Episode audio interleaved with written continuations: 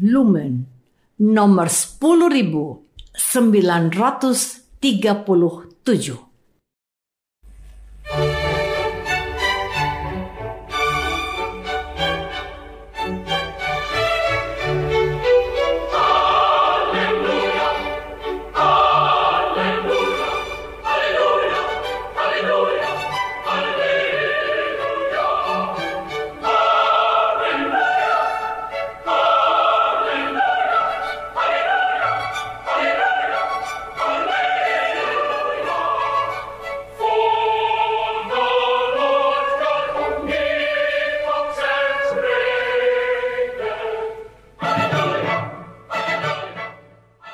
Saudara pendengar di segenap penjuru tanah air, selamat bergabung dengan Lumen Indonesia. Lumen Indonesia siap melayani Anda setiap hari. Saudara terkasih, marilah kita bersatu dalam Tuhan kita Yesus Kristus yang tidak berubah dahulu, sekarang, dan selama-lamanya. Allah Sang Maha Rahim mengasihi dan menerima sebagaimana adanya kita Allah Bapa kita di surga senantiasa bersedia menolong, menghibur, dan meneguhkan kita dalam menghadapi segala permasalahan hidup sehari-hari.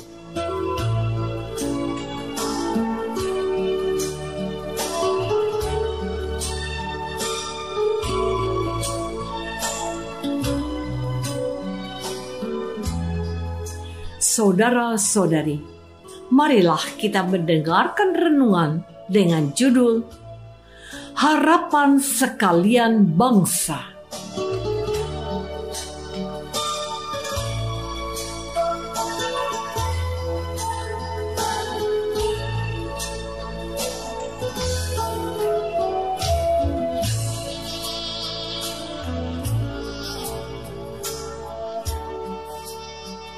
Yang berdasarkan pada Injil Matius bab 12 ayat 20. Bulu yang patah terkulai tidak akan diputuskannya dan sumbu yang pudar nyalanya tidak akan dipadamkannya sampai ia menjadikan hukum itu menang dan padanyalah bangsa-bangsa akan berharap.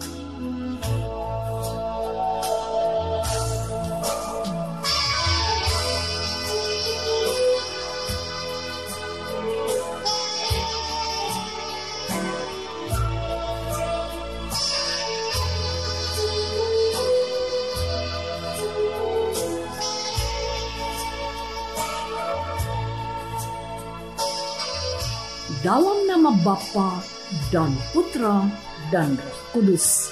Amin. Saudara-saudari terkasih dalam nama Tuhan Yesus Kristus. Kalau kita masih sempat membuka dan membaca Injil yang diwartakan oleh Gereja Kudus pada hari ini, perikop yang saya kutipkan itu berada dalam kelompok ayat-ayat yang diberi judul oleh redaktur sebagai Yesus hamba Tuhan. Perikop ini adalah kutipan dari nubuatan Nabi Yesaya yang meminta perhatian pendengar Injil Matius. Firman Tuhan, Lihatlah, itu hambaku yang kupilih, yang kukasihi, yang kepadanya jiwaku berkenan Aku akan menaruh rohku ke atasnya, dan ia akan memaklumkan hukum kepada bangsa-bangsa. Yesaya bab 42 ayat 1. Penginjil Matius telah menafsirkan nubuatan Nabi Yesaya itu telah terpenuhi dalam diri Yesus Kristus, anak Daud, anak Abraham. Matius bab 1 ayat 1. Hamba Tuhan itu adalah seorang yang memiliki hati yang lembut, sabar, dan bijaksana. Ia sangat memiliki kepedulian. Ia tidak memutuskan atas dasar kata orang atau emosi semata. Ia mempertimbangkan banyak hal untuk kebaikan seseorang agar mereka memiliki kesempatan untuk menjadi orang-orang yang baik dan berguna. Saudara-saudari terkasih, kita telah mendengar nubuatan ini. Bulu yang patah terkulai tidak akan diputuskannya, dan sumbu yang pudar nyalanya tidak akan dipadamkannya sampai ia menjadikan hukum itu menang. Apa yang masih diperbuat orang jika sebatang bulu telah patah? Bukankah lebih mudah mematahkannya saja dan memberi kesempatan kepada batang muda dapat bertumbuh subur? Tidak demikian yang dilakukan oleh hamba Tuhan itu. Ia merawatnya dan menegakkan bulu yang telah patah itu agar dapat tegak berdiri kembali. Apa yang masih diperbuat orang dengan sumbu lampu minyak yang sudah pudar nyalanya? Hamba itu akan menuangkan minyak yang cukup agar lampu yang pudar nyalanya itu dapat kembali menerangi sekitarnya. Inilah kehendak Allah yang sangat peduli akan umat kesayangannya yang berulang kali berkhianat dan berpaling dari tuntunannya. Namun, karena begitu besar kasih Allah, ia mengutus anaknya yang tunggal ke dalam dunia untuk melepaskannya dari belenggu-belenggu dosa mereka. Dia adalah Allah yang maha kasih. Dia tidak dapat meninggalkan umat kesayangannya, sekalipun mereka tidak setia. Ia tetap setia, sebab Ia adalah Allah.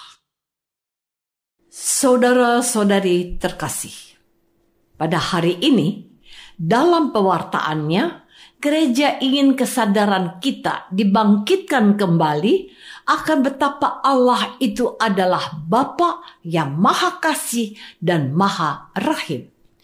Ketika terjadi gerakan penolakan yang dilakukan orang-orang Yahudi terhadap saudaranya sendiri yang disebut para pedosa, Tuhan Yesus justru mendekati mereka, ada di tengah mereka, dan hadir bersama mereka.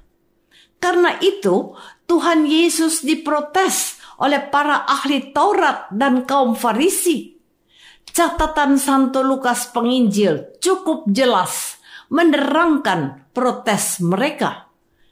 Para pemungut cukai dan orang-orang berdosa biasanya datang kepada Yesus untuk mendengarkan dia. Maka bersungut-sungutlah orang-orang Farisi dan ahli-ahli Taurat. Katanya, ia menerima orang-orang berdosa dan makan bersama-sama dengan mereka. Orang-orang berdosa, pemungut cukai, para pelacur, dan mereka yang menderita kusta dikucilkan oleh mereka. Tetapi tidak sama dengan mereka Tuhan Yesus justru mendatangi mereka, menerima mereka, menyembuhkan kusta mereka, dan membantu mereka untuk bertobat dari dosa-dosa mereka. Dia menjadi harapan yang menjanjikan masa depan yang lebih baik bagi mereka.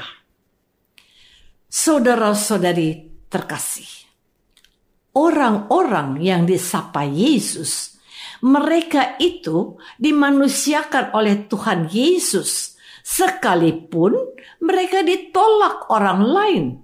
Mereka ini menemukan dalam diri Yesus sosok hamba Tuhan yang dinubuatkan oleh Nabi Yesaya bahwa bulu yang patah terkulai tidak akan diputuskannya dan sumbu yang pudar nyalanya tidak akan dipadamkannya sampai ia menjadikan hukum itu menang.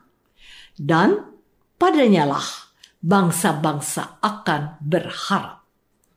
Yesus ditolak oleh bangsa pilihan yang dimotori oleh para pemuka agama mereka, tetapi dia menjadi berkat dan rahmat bagi bangsa-bangsa lain yang menerimanya sebagai Tuhan dan Juru Selamatnya. Siapakah mereka? Kita. Ya, kitalah yang berbahagia karena kita telah menjadi umat pilihan baru yang percaya kepadanya. Karena kita berharap kepadanya akan membebaskan kita dari dosa-dosa.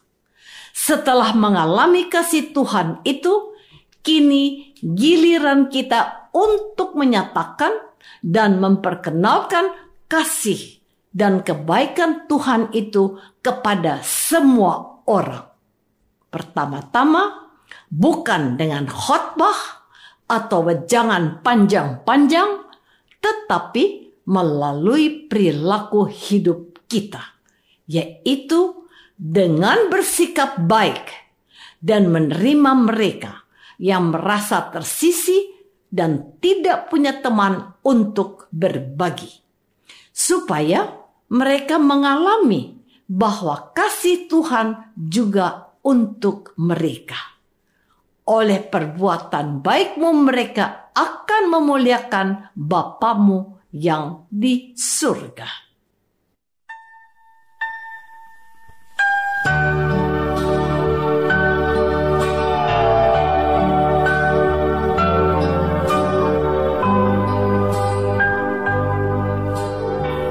Saudara terkasih, marilah kita masuk dalam saat hening sejenak untuk meresapkan renungan yang baru saja kita dengar bersama dalam kehidupan iman kita masing-masing.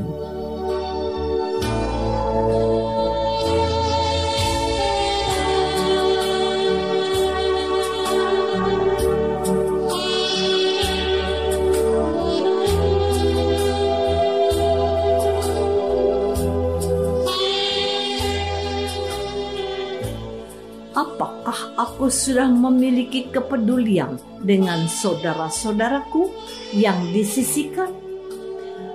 Apakah aku sudah menjadi berkat untuk mereka? Marilah kita berdoa.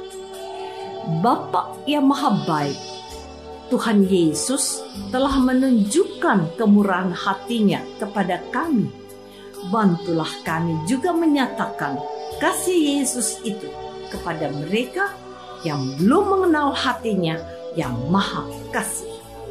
Hanya dengan cara itu mereka dapat mengenal kasihmu, ya Bapa, sebab dialah Kristus, Tuhan kami. Amin.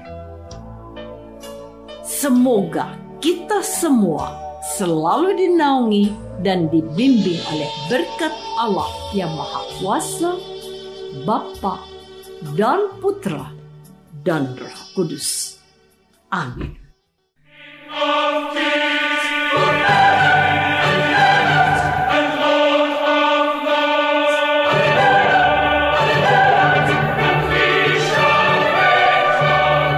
Dengan penuh kasih dan sukacita, Lumen Indonesia mengundang saudara-saudara seiman di segenap penjuru tanah air Sekiranya ada tanggapan ataupun saran, kirimkan surat Anda ke Lumen Indonesia. Terima kasih atas perhatian Anda. Sampai berjumpa lagi dengan Lumen Indonesia pada waktu dan gelombang yang sama esok hari.